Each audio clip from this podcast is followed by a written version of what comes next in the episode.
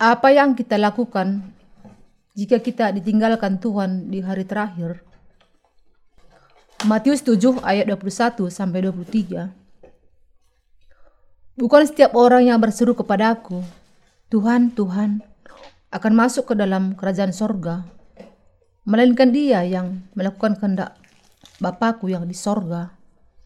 Pada hari terakhir, banyak orang akan berseru kepadaku, Tuhan, Tuhan, bukankah kami bernubuat demi namamu dan mengusir setan demi namamu dan mengadakan banyak mujizat demi namamu juga?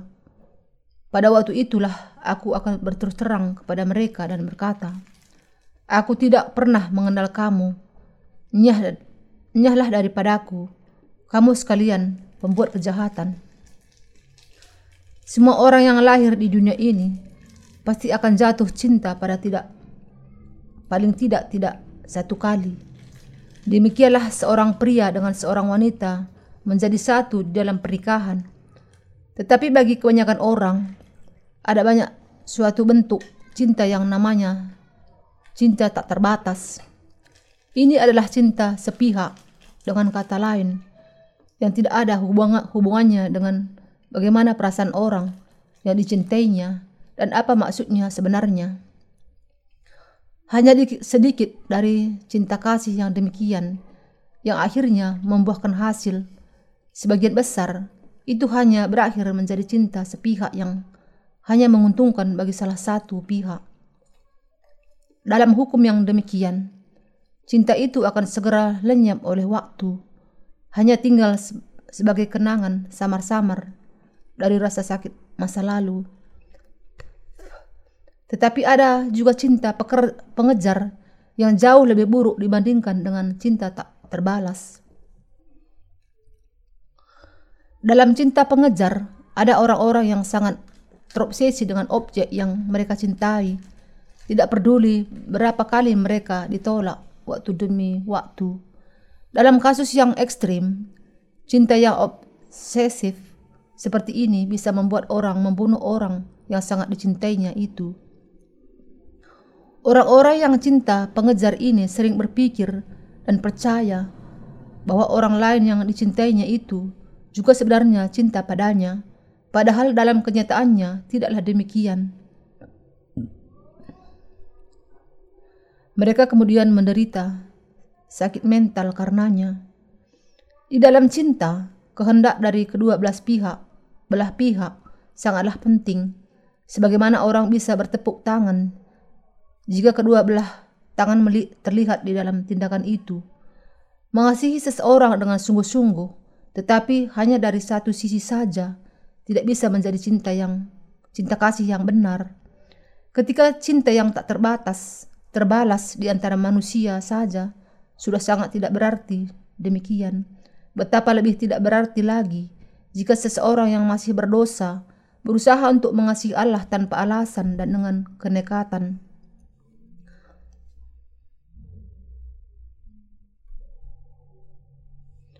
Allah mengatakan, bahwa ia mengasihi semua manusia secara seimbang. Ia memberkati dan mengasihi mereka yang memahami kasihnya dengan benar dan menerimanya dengan iman. Ia memberikan keselamatan dari dosa tanpa syarat kepada mereka. Akan tetapi, bagi mereka yang tidak memahami hal ini, ia memberikan murkanya atas mereka dan menegur alasan, menegur mereka. Alasan untuk hal ini adalah karena kasih dari orang-orang yang demikian kepada Allah adalah kasih yang cacat. Allah mengatakan di dalam Injil Matius bahwa ia tidak mengenal orang-orang yang demikian. Ketika orang-orang itu mengatakan kepadanya, Tuhan, Tuhan, bukankah kami sudah bernubuat demi namamu, mengusir setan-setan di dalam namamu, dan melakukan banyak mujizat di dalam namamu? Tuhan kemudian mengatakan kepada mereka, Aku tidak pernah mengenal kamu. Nyahlah daripada aku, kamu sekalian pembuat kejahatan.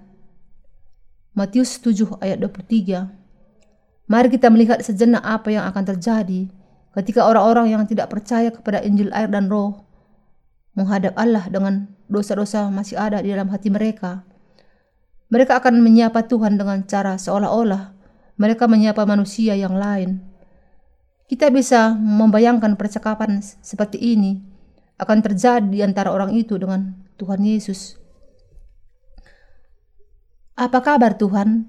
Ketika saya masih hidup di bumi, saya selalu berpikir bahwa Engkau sangat indah, tetapi bahkan menjadi kehormatan yang jauh lebih besar untuk bertemu dengan Engkau seperti ini.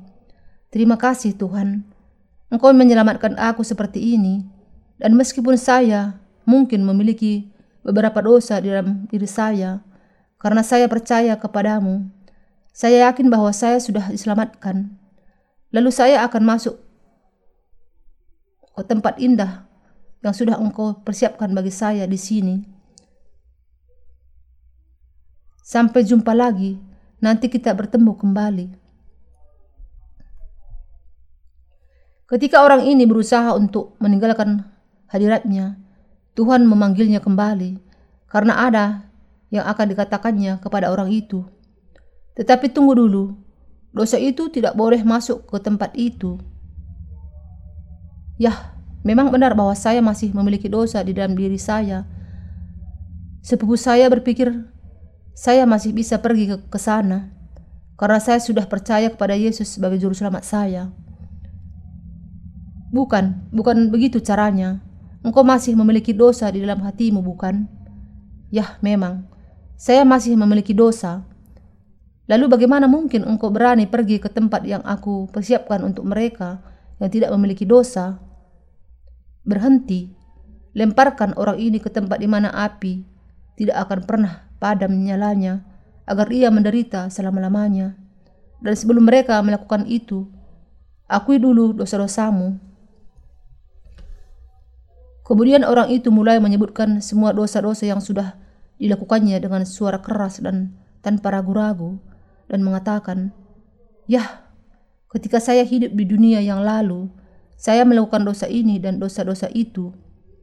Tuhan kemudian mengatakan kepadanya, Baik, sudah cukup. Engkau sudah lebih dari memenuhi syarat untuk dilemparkan ke neraka. Karena engkau memiliki dosa-dosa, pergilah ke neraka, di mana tempatmu cocok dan hangat untuk seseorang seperti engkau. Apa? Tetapi ketika di dunia saya percaya kepadamu, saya bernubuat di dalam namamu, saya bersaksi kepada banyak sekali orang. Saya menjual rumah saya untuk melayani engkau. Saya menolong banyak anak yatim. Saya rajin mengikuti doa setiap pagi dan sore hari. Saya menyembuhkan banyak orang sakit. Saya berpuasa bagimu dan berkorban banyak untukmu. Saat itu, ketika berpikir bahwa semuanya itu sangat tidak adil, ia menggertakkan giginya dengan sangat kuat sampai gigi-giginya tanggal. Kita bisa membayangkan bahwa pengobatan gigi akan laku keras di neraka. Tetapi serius, bagi semua orang berdosa, apakah mereka sudah percaya kepada Yesus atau belum? Kalau mereka tidak percaya kepada Yesus di dalam kebenaran Injil air dan roh, maka mereka semua ditentukan untuk dibuang ke dalam tempat api yang kekal ini. Di dalam Yeremia 17 ayat 1, Allah mengatakan, dosa Yehuda telah tertulis dengan pena besi yang matanya dari intan terukir pada loh hati mereka dan pada tanduk-tanduk mesbah mereka. Yehuda di sini menunjuk kepada suku bangsawan yang di antara orang Israel dan Allah menggunakan hal ini untuk melambangkan semua bangsa Israel. Dan lebih lagi, hal itu juga diterapkan kepada semua manusia. Sebagaimana Alkitab menggambarkan prinsip perwakilan. Sebagai contohnya, Adam dianggap sebagai perwakilan bagi semua manusia. Roma 5 ayat 18 Intan dan kristalin membentuk tabung karbon dan semuanya adalah partikel yang paling keras yang diketahui di dunia ini. Jadi ketika kita dikatakan di dalam ayat ini bahwa dosa-dosa manusia ditulis di dalam loh hati mereka dengan pena yang matanya terbuat dari intan, maka hal ini tidak akan bisa dihapus kecuali kalau semuanya dibasuhkan sampai bersih dari segala dosa mereka dengan percaya kepada Injil air dan roh. Karena itu, bagi orang-orang berdosa yang belum menerima pengampunan dosa, segala dosa yang sudah mereka lakukan dituliskan di dalam loh hati mereka. Tidak peduli bagaimana mereka sangat ahli dalam teolog, sistematika, memiliki gelar doktor di dalam bidang teologi, mengajar teologi di seminar, sebagai profesor, atau memegang peranan yang tinggi di dalam gereja. Dosa-dosa yang dituliskan di dalam hati mereka tidak bisa dihilangkan dengan percaya kepada sesuatu yang lain kecuali Injil air dan roh. Inilah sebabnya ketika orang-orang yang demikian berdoa kepada Allah, kita melihat mereka mengakui diri mereka sendiri sebagai orang-orang berdosa. Karena loh di dalam hati mereka memang penuh dengan dosa-dosa mereka. Karena orang-orang berdosa tidak bisa memiliki persekutuan dengan Allah di dalam kebenaran meskipun mereka menginginkannya. Mereka sering sekali pergi ke pegunungan untuk berdoa berpuasa, berbicara dalam bahasa roh, dan mendapatkan penglihatan agar bisa bertemu dengan Tuhan melalui apa yang disebut sebagai pengalaman mistis. Tetapi pada akhirnya, semuanya itu sia-sia dan mereka lakukan hanyalah kehidupan iman yang sesat yang mendustai hati mereka sendiri. Bagian di atas dari kitab Jeremia juga mengatakan bahwa dosa Yehuda juga dituliskan pada tanduk-tanduk mesbah mereka. Tanduk-tanduk mesbah di sini menunjuk kepada kitab perbuatan. Ada dua kitab di dalam kerajaan Allah. Kitab kehidupan dan kitab perbuatan. Wahyu 20 ayat 16 ayat 12. Di dalam kitab perbuatan Allah sudah menuliskan semua kesalahan dari masing-masing orang-orang berdosa dengan sangat terperinci.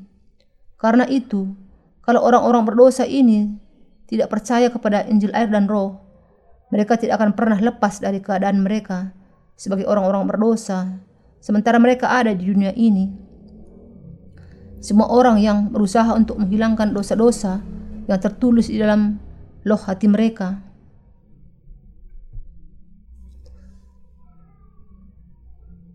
Tidak peduli siapa pun mereka, harus percaya kepada Injil air dan roh bahwa Yesus sudah menyelamatkan mereka dengan cara yang paling tepat dan layak, dengan menanggung segala dosa mereka melalui baptisan yang diterimanya dari Yohanes dan darah yang dicurahkannya di kayu salib. Kemudian nama-nama mereka akan dituliskan di dalam kitab kehidupan dan hanya setelah itu saja mereka bisa menjadi umat Allah. Apakah nama Anda sekarang tertulis di dalam kitab kehidupan? Semua manusia ditentukan untuk berdiri di hadapan Allah penghakiman Allah satu kali. Mari kita membayangkan bahwa seseorang yang percaya kepada Injil air dan roh berdiri di hadapan Allah pada hari itu. Allah akan memerintahkan kepada malaikat-malaikatnya, lihat apakah namanya tertulis di dalam kitab kehidupan. Lalu malaikat itu memeriksa, dan tentu saja namanya tertulis di sana. Allah kemudian mengatakan kepadanya, Anakku yang kukasihi, ketika engkau ada di dunia, Engkau membasuhkan segala dosamu dengan percaya kepada Injil air dan roh yang aku berikan cuma-cuma kepadamu. Kemudian engkau bekerja keras untuk aku dan mencurahkan banyak air mata untukku juga. Aku akan memastikan bahwa tidak ada lagi air mata yang keluar dari matamu. Tidak akan ada lagi penderitaan. Dan iblis tidak akan menyusahkan engkau lagi Baik sekali engkau, anakku.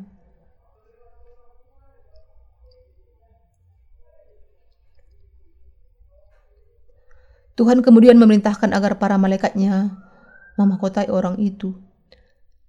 Terima kasih Tuhan. Itu suatu kehormatan bagiku. Bawa semua mahkota dan letakkan di atas kepalanya.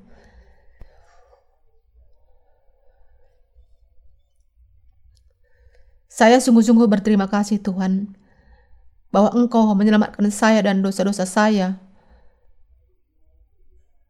saja sudah cukup bagi saya untuk berhutang tanpa batasan kepadamu. Dan kemudian engkau sekarang memahkotai saya dan pekerjaan kecil yang saya lakukan untuk engkau.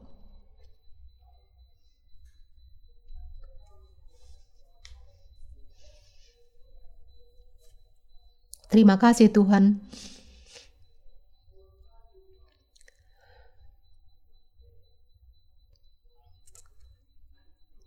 Sudah cukup sebenarnya bahwa engkau menyelamatkan saya, bahwa saya bisa masuk ke dalam kerajaanmu untuk hidup di sana selama-lamanya adalah upah yang sudah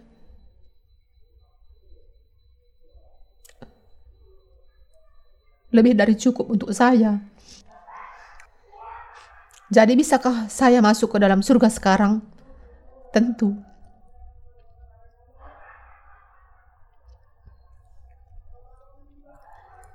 Suruh satu malaikat ke sini. Biarlah anak Allah yang kesejuta ini naik ke atas panggungnya. Malaikat yang ditentukan kemudian maju dan berkata kepada orang itu,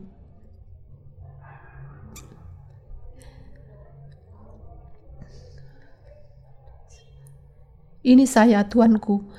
Naiklah ke atas punggungku.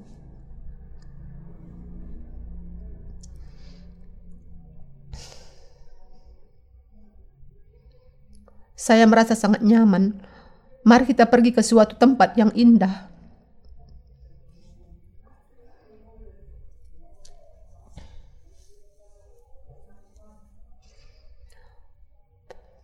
Malaikat itu dengan berhati-hati mengepakkan sayapnya untuk terbang. Apakah Anda mau jalan-jalan, tuanku? Wow, indah sekali di sini. Berapakah besarnya surga ini? Yah, saya sudah terbang berkeliling selama satu miliar tahun, tetapi saya belum pernah melihat ujungnya.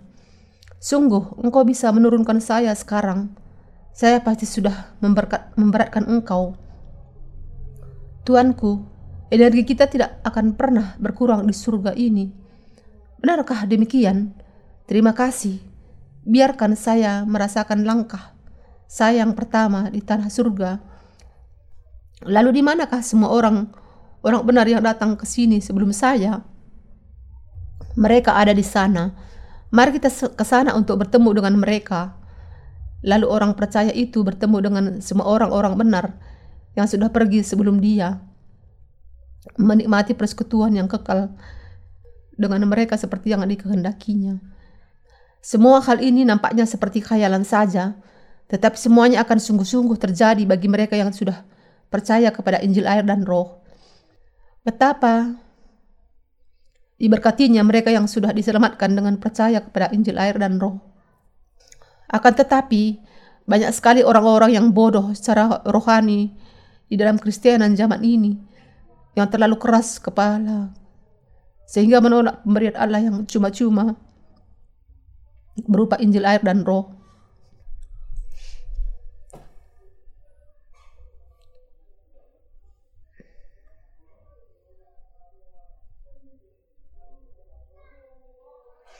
Orang-orang yang demikian, meskipun mereka percaya kepada Yesus, sebenarnya sudah salah percaya karena mereka tidak mengenal Injil air dan roh. Sangat menyedihkan melihat betapa mereka sangat kuat berpegang kepada iman mereka yang salah itu. Sementara Injil yang benar ditunjukkan dengan sangat jelas kepada mereka.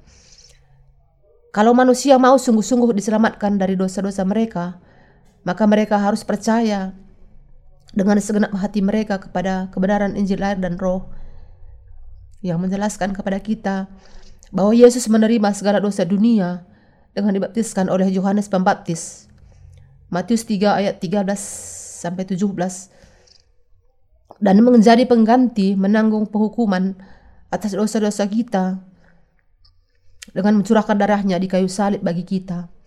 Kita tidak bisa berusaha untuk masuk ke dalam surga dengan percaya kepada sesuatu yang asal saja, karena Allah adalah adil dan ketika berkaitan dengan masalah dosa, dan keselamatan. dan ia bukan hanya seperti orang baik, tetangga sebelah, rumah Anda yang selalu membiarkan siapa pun melakukan apa saja. Saya mau menceritakan sebuah kisah lucu. Seorang seseorang masuk ke surga dan di salah satu sudut ia melihat banyak sekali telinga dan mulut yang ditumpuk di sana. Ketika orang itu bertanya kepada orang kepada seorang malaikat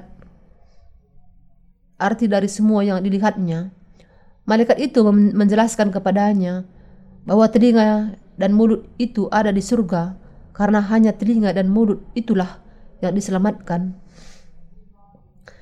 Ketika kita percaya kepada Tuhan, mutlak sangat penting bahwa kita percaya kepada Injil air dan roh dari dasar hati kita dan dengan itu diselamatkan oleh iman dari segala dosa kita sekali untuk selamanya. Banyak orang Kristen yang masih memiliki dosa di dalam hati mereka di hadapan Allah. Bahkan ketika saat ini mereka percaya kepada Yesus yang sangat berpikir bahwa mereka tidak akan menghadapi masalah untuk masuk ke surga, meskipun dalam kenyataannya dosa-dosa mereka masih ada di dalam diri mereka. Tetapi Tuhan akan berkata kepada mereka, Aku tidak bisa menganggap kamu sebagai tidak memiliki dosa kalau dalam kenyataannya kamu masih memiliki dosa di dalam dirimu. Aku sudah mengampuni segala dosamu dengan Injil air dan roh ketika kamu masih ada di dunia. Tetapi kamu menolak untuk percaya kepada Injil air dan roh di dalam hatimu. Apakah kamu tahu apa maksudku? Tunggu, sekarang buanglah orang-orang yang menolak kasihku ini ke dalam lautan api yang kekal. Kalau ada dosa di dalam hati, meskipun Anda percaya kepada Yesus, maka ketika Anda masih ada di dunia ini, dengarkanlah kepada Injil air dan roh. Percayalah kepadanya dan terimalah keselamatan atas dosa-dosa Anda yang diberikan Allah kepada Anda secara cuma-cuma karena anugerahnya yang berlimpah. Anda harus memahami bahwa jiwa-jiwa yang tidak mau akan dibuang ke dalam lautan api yang kekal di dunia selanjutnya. Orang-orang yang mengaku tidak memiliki dosa meskipun masih ada di dosa di dalam hati mereka sedang mengejek Allah dan berusaha untuk merustai dia. Ketika tiba harinya bagi Allah untuk menghakimi dunia ini, mereka akan memahami betapa besar perbedaan antara orang berdosa dengan orang tidak berdosa. Di hari ini, mereka semua akan menyadari mengapa Tuhan su sudah sungguh-sungguh meminta kepada mereka dengan terus-menerus supaya mereka percaya kepada Injil air dan roh dan menerima pengampunan dosa. Dan kemudian mereka akan meratap dalam penyesalan karena tidak mau percaya. Setiap orang Kristen bisa saja sama-sama percaya kepada Yesus sebagai juru selamat, tetapi ada perbedaan iman yang sangat besar antara mereka yang sudah menerima pengampunan dosa dengan yang belum, yang sudah akan disambut di dalam sorga, yang belum akan dibuang ke, ke dalam neraka. Kalau Anda tidak mengakui bahwa Injil air dan roh adalah kebenaran pengampunan dosa, maka pada hari terakhir akan menjadi sangat terlambat bagi Anda. Apakah ada dosa di dalam hati Anda ketika Anda percaya kepada Yesus? Kalau masih ada, maka Anda juga adalah orang-orang yang berdosa.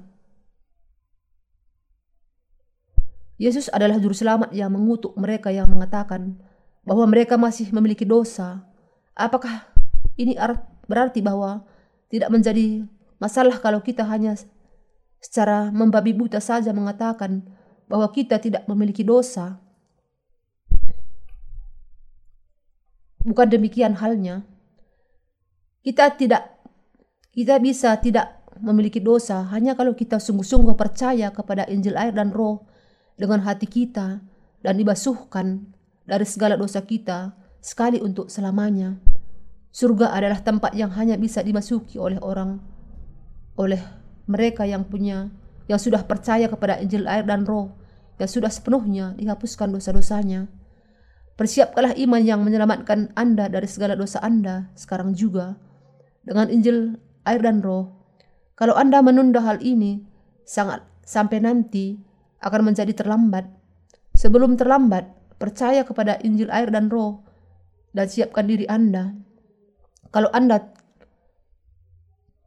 kalau Anda tidak mau menerima ke dalam hati Anda Injil air dan roh, kebenaran pengampunan dosa, maka Anda akan dikurung di dalam neraka.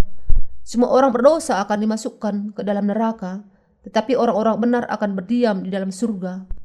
Siapakah yang akan mengerti bahwa menerima pengampunan dosa dengan percaya kepada Injil air dan roh akan menjadi sangat berharga? Mereka yang di dunia ini sudah mendengar Injil air dan roh dan percaya akan menjadi orang-orang yang sungguh-sungguh beruntung. Saya memuji Tuhan atas Injil ini. Saya bersyukur kepada Tuhan satu kali lagi karena ia menyelamatkan kita. Yang dahulu adalah orang-orang berdosa dari segala dosa dunia melalui Injil air dan roh sekali untuk selamanya. Anda juga harus percaya kepada kuasa Injil air dan roh sekarang. Kemudian Anda akan menjadi anak Allah sendiri sampai selama-lamanya. Haleluya.